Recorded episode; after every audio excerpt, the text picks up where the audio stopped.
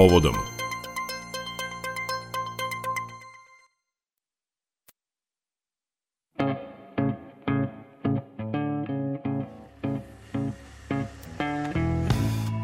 Sretenje Dan državnosti Srbije je državni praznik koji se proslavlja 15. i 16. februara, a ustanovljen je u spomen na dan kada je na zboru u Orašcu 1804. godine dignut prvi srpski ustanak Takođe se proslavlja i kao dan ustavnosti Srbije. U spomena dan kada je u Kragujevcu 1835. izdat i zakletvom potvrđen prvi ustav knjaževstva Srbije, Sretenski ustav. O okolnostima usvajanja Sretinskog ustava 2018. godine razgovarali smo sa našim istoričarem e, Dejanom Mikavicom, koji nažalost više nije sa nama. Pa će to biti prilika da se setimo i čoveka koji je bio izuzetan poznavalac Srbije 19. veka. Sretinski ustav je jedan od dva e, ključna razloga zašto mi 15. februara obeležavamo dan državnosti. E, šta biste rekli, koja je, koja je važnost e, dakle, tog Sretinskog ustava da baš on bude jedan od povoda da to bude dan državnosti Republike Srbije? Pa vidite, Srbija, tačnije srpski narod, je manifestovao svoju ideju državnosti krajem 18. veka, praktično na različitim prostorima. Na prostoru, recimo, Habsburške monarhije definisan je prvi nacionalni i državotvorni program prečanskih Srba na Temišvarskom crkvenom narodnom saboru 1790. kada su Srbi odlučili praktično prečanski Srbi da u posebnim okolnostima u kontekstu tada poslednjeg Austrijsko-Bečkog rata – na svom crkvenom narodnom saboru zahtevaju posebnu teritoriju na prostoru Banata u okviru koje će se politički i upravno organizovati. Profesor Milorad Ekmečić je u svojim poslednjim knjigama taj program Tate Mišvarska zahtevanja nazvao prvim srpskim nacionalnim programom uopšte, nacionalnim i državotvornim. U isto vreme na prostoru Crne Gore stvara se jedna druga realizuje se na jedan drugačiji način srpska državotvorna ideja kroz bitke crnogorskih Srba protiv Turaka na Martinićima i Krusima. U isto vreme crnogorski Srbi pokušavaju, boreći se protiv Turaka, da definišu svoje osnovne pravne i prve zakonske akte na kojima treba da počiva ta država. Na prostoru Svederevskog sanđaka, dakle, rekli bismo u kontekstu ovoga što govorim, na trećem prostoru gde Srbi pokušavaju da da izvedu proces nacionalnog oslobođenja i stvaranja države, dakle na prostoru Smederevskog sanđaka, odnosno kako se popularno, a ne baš sasvim tačno kaže, Beogradskog pašaluka, oni na osnovu onog stepena autonomije koji im je garantovan, garantovan od strane Osmanskog carstva Fermanima s kraja 18. veka 1793. 94. 1796. kojima su dobili takozvanu knežinsku samupravu kao jednu posle Pećeke patrijašije možda najznačajniju srpsku instituciju uopšte koju su imali, oni pokušavaju da unaprede tu autonomiju na takvim temeljima, dakle na, prostoru Beogradskog pašaluka, oslanjajući se naravno iskustva na, i na ona iskustva koji su imali u vreme pomenutog austrijsko-turskog rata, jer su njemu i oni učestvovali kao frajkori, kao dobrovoljci, u njima je učestvovao naravno i vožd Karadžođe, tad nije bio vožd, vožd je po titulu vožda je dobio tamo negde, ja mislim, tek 1810. godine, ali stekli su jedno dragoceno iskustvo. Kroz tu knežinsku samoupravu oni dobijaju organe vlasti Srbi na prostoru Osmanskog carstva, koji takođe predstavljaju jedan stepen unapređene autonomije i na taj način se ideja državnosti ili bolje rečeno samostalnosti sve više realizuje kao nešto što je bitno, ključno i moguće u tom trenutku kada se streknu dogovarajući međunarodni istorijski uslovi.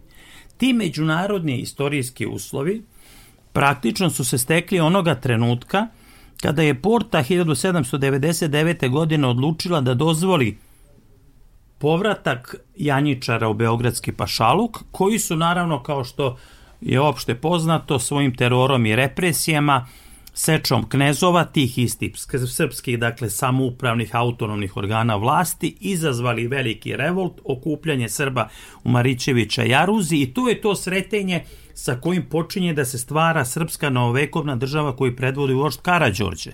Vožd Karađorđe već do 1807. godine, kada se pišu prvi ustavni nacrti, od tada počinje ta ustavno-istorijska priča, definiše Srbiju praktično kao samostalnu državu i ona, čak za razliku od vremena kneza Miloša, a ljudi to slabo danas znaju, Srbija za vreme vožda Karadžorđa bila nezavisna država. Potpuno nezavisno. Turoka nije, Turci nisu više postojali 1807. godine praktično uopšte na prostoru novo osnovane ili novovekovne srpske države, koju predvodi vožd Karadžorđe. Ona nema međunarodno priznanje, ali praktično je samostalna. Tu državu je trebalo organizovati, formirati, definisati državnu vlast. Ta državna vlast za vreme Karadžorđa formir, definiše se kroz pomenute, odnosno poznate ustavne nacrte 1805. 1808. 1800 10. se definiše Karadžorđev zakoni koji se odnosi na unutrašnju upravu i 1811. godine poslednji ustavni nacrt. Formiraju se dakle da zaključimo organi državne vlasti koji su zasnovani na ustavnim temeljima institucijama koje kreiraju tu vlast, a koje nisu uvek saglasne, a to su pre svega praviteljstvujući Sovjet ili Savet i vožd Karadžođe koji na neki način između sebe imaju neku vrstu rivaliteta ko će zapravo tu Srbiju predvoditi i na koji način. Borba između Karadžođa i Starešina, odnosno taj rivalitet koji je postoji između Karadžođa i Saveta, prenosi se na vreme kneza Miloša, kada Srbi u okviru drugog srpskog ustanka pokušavaju da obnove srpsku državnu, nacionalnu i oslobodilačku ideju, podižujući tako u drugi srpski ustanak. Problemi sa kojima se suočava knez Miloš praktično su u velikoj meri, dakle u borbi za samupravnu, za samupravu, za poluzavisnu kneževinu, praktično poluvazalnu kneževinu, praktično istovetni kao i problemi sa kojima se suočavao Karadžođe. Pojednostavljeno rečeno to znači da starešine ili vojvode za vreme kneza Miloša, kao i starešine ili vojvode za vreme vožda Karadžođa, hoće da učestvuju u državnoj vlasti. S druge strane, narod, stanovništvo, rekli bi danas građani, Srbi, u vreme knjeza Miloša Obrenovića hoće određene pravne garancije svog privatnog poseda, svojih građanskih prava i tako dalje. Da bi to ostvarili, njima je neophodna garancija. Kakva to garancija jedino može biti? Ustavna garancija. Srbi praktično traže da im se kroz bune koje organizuju, pokreću, izvode prema knezu Milošu, oni nastoje da primoraju kneza Miloša da ustavnim aktom sankcioniše postojiće stanje, odnosno stanje njihovih prava, pre svega imovinskih i ličnih sloboda. To je ključno pitanje. Knez Miloš pokušava, naravno, pošto vlada autokratski, to do određene mere da izbegne. U tom vremenu, dakle, pre donosenja Setinskog ustava, nižu se jedna za drugom. Bune, starešina, srpskih glavešina, koji postavljaju određene zahteve knezu Milošu, a pre svega da bude vašim slušaocima i našoj javnosti potpuno jasno, oni imaju zahtev da se vlast podeli, da se vlast ograniči, da ne bude apsolutistička, da je knez Miloš u potpunosti ne kontroliše, da oni njega preko određenih ustanova i institucija mogu kontrolisati. Tu je dakle suština cele priče. U tom kontekstu se diže i Miletina i Đakova buna i na kraju krajeva i one uh, prethodne bune koje im prethode. Ta poslednja Miletina buna praktično je na neki način 1830 primorala 1835. godine kneza Miloša da na neki način popusti. Njemu su postavljeni uslovi koji su se svodili praktično na ustavne zahteve, a to je da se formira savet, ili kao što je nekad bio praviteljstvujući sovjet u kome će biti najistaknutije starešine, da se odredi koji, koji kakav i koliki porez će se uzimati, da se stvori jednostavno da se napiše ustav koji će garantovati imovinska i građanska prava ili kako u Sretinskom ustavu kaže u jednoj tačku, u jednom članu prava Srbinova.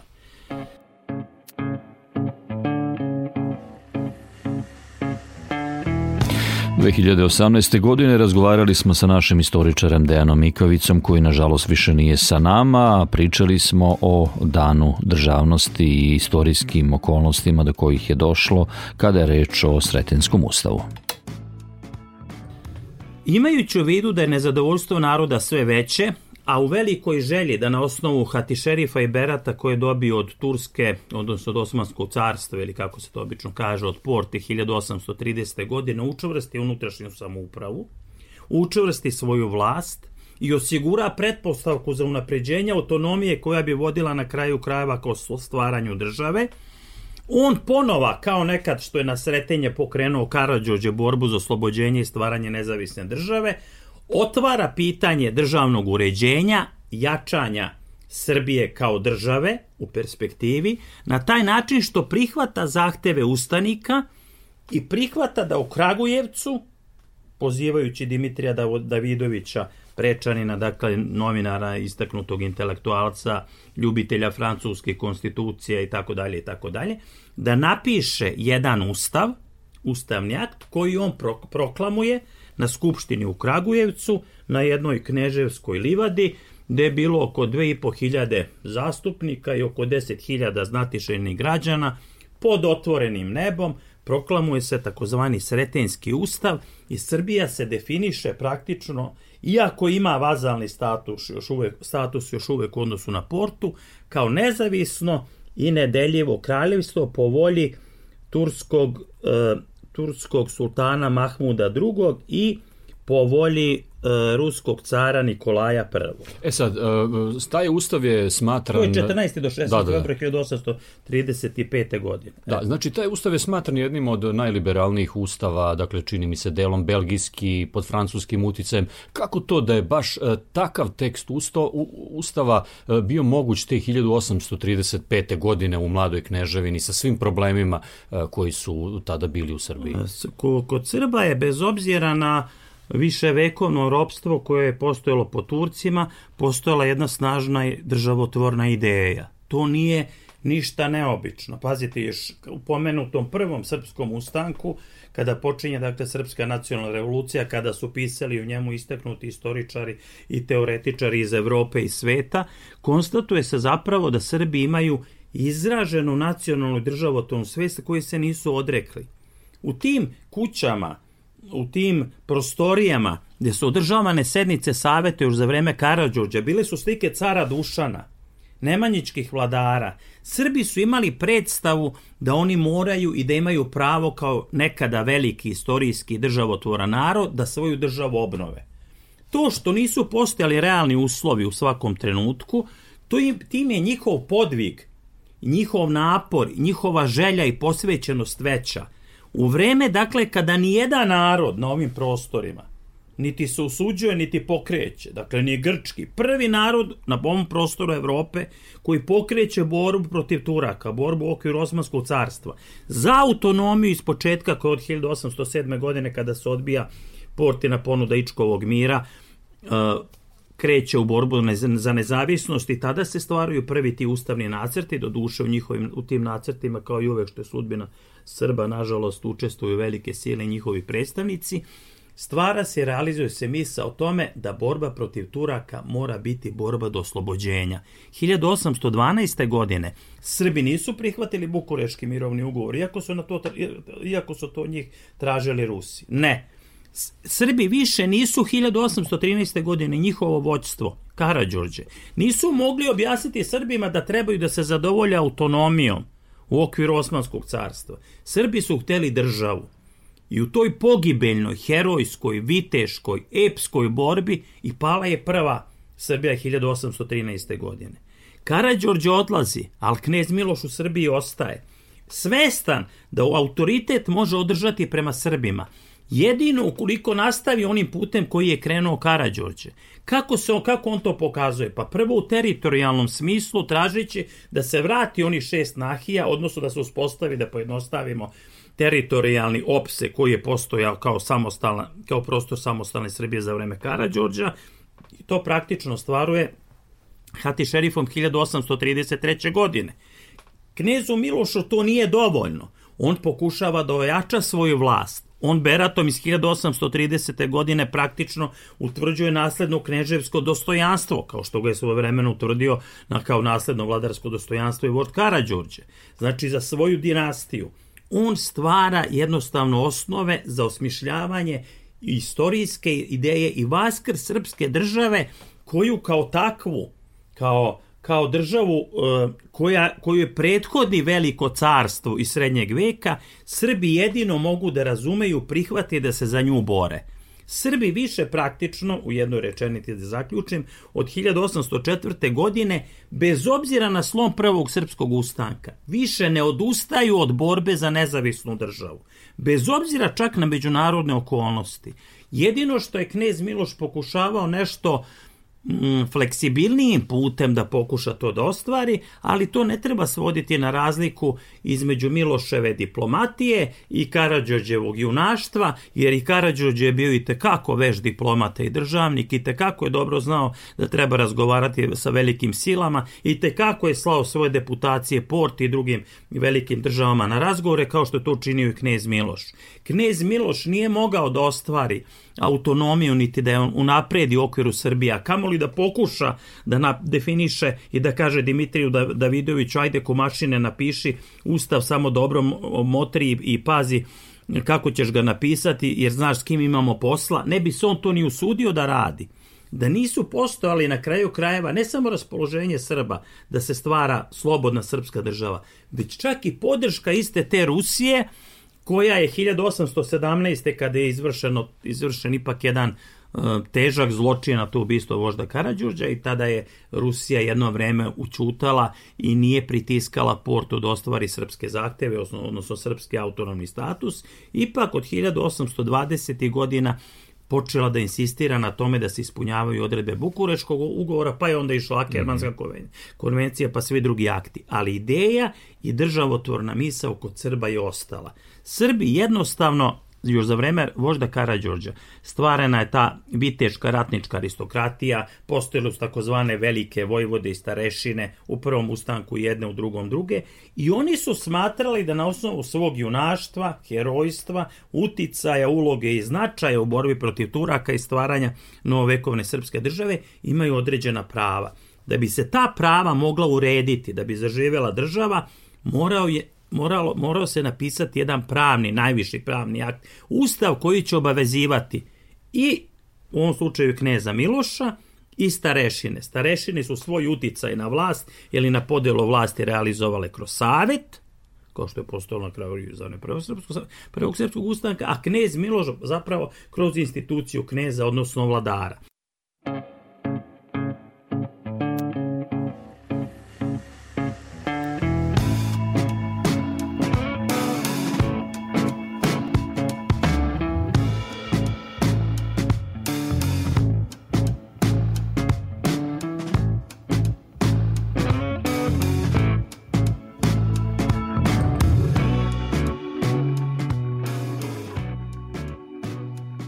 Postojala u Sretinskom ustavu, da budemo precizni, institucija, institucija Narodne skupštine koja je imala određenu ustavotvornu vlast, dakle morala je biti konsultovana u slučaju promene ustava, savjet je međutim ipak bio uz, uz e, kneza Miloša Obrenovića najznačajnija vlast. Ta vlast nije bila da budemo ovako pravno precizni, nije bila do kraja podeljena kao što mi to danas kažemo na zakonodavnu izvršnu i sudsku. Više je postojala jedna definicija koju bi mogli da kažemo e, konfuzija vlasti, kako bi to rekli pravnici, između, e, između saveta ili starešinske oligarhije i koji imaju najvišu sudsku vlast i s druge strane, a izvr, utiču na izvršnu, i kneza Miloša Obrenovića. Narodna skupština imala određenu budžetsku samostalnost, finansijsku samostalnost, pravo zakonske inicijative, kao što sam rekao, ustavotvornu, određene ustavotvorne ingerencije kad je u pitanju promena ustava. Imala je neki, bilo je tu nekih loših rešenja koji su nedosledno, ne baš najbolje preku, pre, prepisane iz francuske konstitucije, iz francuske ustava koji se odnosi na onih 100 deputata, odnosno zastupnika u Narodnoj skupštini, kako su birani u Francuskoj pokruzima, to nije odgovaralo Srbiji. Svetozar Marković naravno se protiv toga buni, ali obično te sve socijalističke kritike su bile prilično neumesne i pokazivali su da tadašnji socijalisti nisu razumeli smisao državne ideje. Da zaključim, Znači, kroz ustav se definiše Srbija kao sretenski ustav, kao prvi ustav srpske države, bez obzira što je živeo svega što opstao svega šest nedelja, pa posle toga bio ukinut inicijativom Rusije, Turske, dakle Rusije, Turske i Austrije velikih sila. On je ipak prvi akt ustav, ustavni akt koji Srbija praktično donosi kao nezavisna država, samostalno, ne osvrćići se na mišljenje, utica ili stavove velikih sila, Srbi odlučuju, srpske vojvode, starešine, narod, knez Miloš, da Srbija dobije ustav. Kada su ustanici tražili od kneza Miloša da donese ustav, on je prihvatio. Dakle, ustav nije donet pod, samo pod pritiskom, niti protiv kneževe volje. Često se u literaturi sreće obrazloženje da je knez Miloš e, nevoljno prihvatio taj ustav i tako dalje i tako dalje. Međutim, treba imati u vidu da on posle tog ustava nije razmišljao o abdikaciji, a posle turskog ustava iz 1838 ili 4. kati šerifa i tekako je razmišljao na kraju krajeva abdicirao. Po ovom ustavu Srbija je definisana u mnogim drugim e, nadležnostima i aspektima kao nezavisna država, kad je u pitanju zastava, kad je u pitanju grb, kad su u pitanju državne institucije, dakle, u gotovo svim aspektima koji, kojima se definiše jedna nezavisna država. Ustav jeste kratko trajao, ali praktično ništa više posle njegovog donošenja, pa ni poslednjeg ukidanja neće biti isto, sve do 1888. godine, dok nisu Srbi ponovo, eto, u to vreme za vreme kneza, odnosno kralja Milana Obrenovića, doneli taj radikalni, najdemokratski srpski ustav 1888. godine, a sve u okviru te tendencije i tog uspona ustavne i državotvorne misli Srba, koji je zapravo inicirao najpre Karadžorđev ustanak, na Sretenje 1804. a zatim 1835. u Kragujevcu knez, knez Miloš. I konačno, postoje li neke vrednosti koje današnja srpska država baštini iz tog e, Sretenskog ustava, da li uopšte moguće bilo kakvo poređenje i koja je to nekakva uh, transverzala koja spaja ta dva uh, zapravo današnje vreme i to vreme? Pa teško je napraviti, prvo bi trebali da se odredimo kako izgleda karakter tadašnje države, a kako izgleda karakter ove sadašnje države. Srbija je, kao što znate, 1918. godine odri, odričući se svoje, odustajući od svoje državotvornosti, ušla u jednu zajednicu u kojoj je njena konstitu, konstitutivnost, ili ako hoće, prvo ukinula svoje ime, a zatim dovela konstitutivnost srpskog naroda na neki način u pitanje. Nije odredila svoje teritorije, prava srpskog naroda su bila u velikoj meri devastirana, jednom rečju, pojednostavljeno rečeno, svi oni koje oslobađala srpska vojska stekli su praktično veća prava nego što ih imala Srbija. Srbija je svoju ustavnost gradila, neko će reći od istoričara, od 1835. ili ako hoćete još pre toga od ustavnih nacrta u vreme vožda Karadžođa, gradila e, samostalno u, u stvarajući nacionalnu e, kako se govorilo to često i veću srpsku državu, ne veliku, ali veću srpsku državu, srpskog naroda. Od da li je to bilo u skladu uvek sa mišljenjem vladajuće dinastije? Kako kažu jedni istoričari koji e, zagovaraju koncepciju da su svi ti demokratski ustavi doneti za vreme Obrenovića. Ili kako kažu drugi, da su oni doneti za vreme Obrenovića uprko s njihovom protivljenju. To je stvar za raspravu. Ali svi demokratski praktično ustavi su doneti za vreme Obrenovića, s tim što su inicirani Karadžorđevom vladavinom, odnosno vremenom prvog srpskog ustanka, srpskom državom prvog ustanka, da bi se kasnije postepeno razvijali i 1888. doživjeli jedan vrhunac kad su u pitanju demokratska prava, nacionalna prava i sva druga prava liberalno-demokratska koje je priznavala tadašnja Evropa. Čak i posle majskog prevrata kada praktično se gasi dinastija Obrenović, sve ono najdragocenije iz tih ustava, što su preuzeli Karađorđević i sačuvano, I taj ti ustavi koji su kasnije doneti sve do završetka praktično Prvog svetskog rata, Karadžorđević, dakle, dok su vladali, to su ustavi koji su bazirani pre svega na tom ustavu iz 1888. godine. Dakle, postoji jedan ustav, ustavni kontinuitet koji prati srpsku državotvornu misao. Ta srpska državno, državotvorna misao i taj ustavni kontinuitet razvoj srpske ustavnosti, istorija srpske ustavnosti uopšte ako hoćete, grubo i surovo je prekinuta 1918. godine, po mom mišljenju, bez jednog valjanog političkog, državnog, nacionalnog, pa ako hoćete i egzaktnog razloga i opravdanja. tako da su tu uspostavljene velike razlike kojima srpski narod ne bih rekao da nije dorastao, ali jednostavno nije mogao sa njima da izađe na kraj.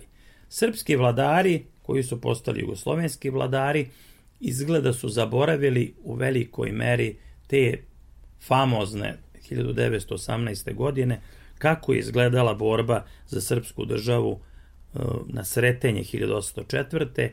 i na sretenje 1835. kada je ovaj ustav, najznačajniji srpski ustav, možemo reći, i prvi srpski ustav zapravo u Kragujevcu donet. Profesor Mikovice, hvala vam na razgovoru. Hvala vam. O prvom srpskom ustanku i o Sretinskom ustavu govorio je naš pokojni istoričar dr. Dejan Mikavica koji je bio izuzetan poznavalac Srbije 19. veka.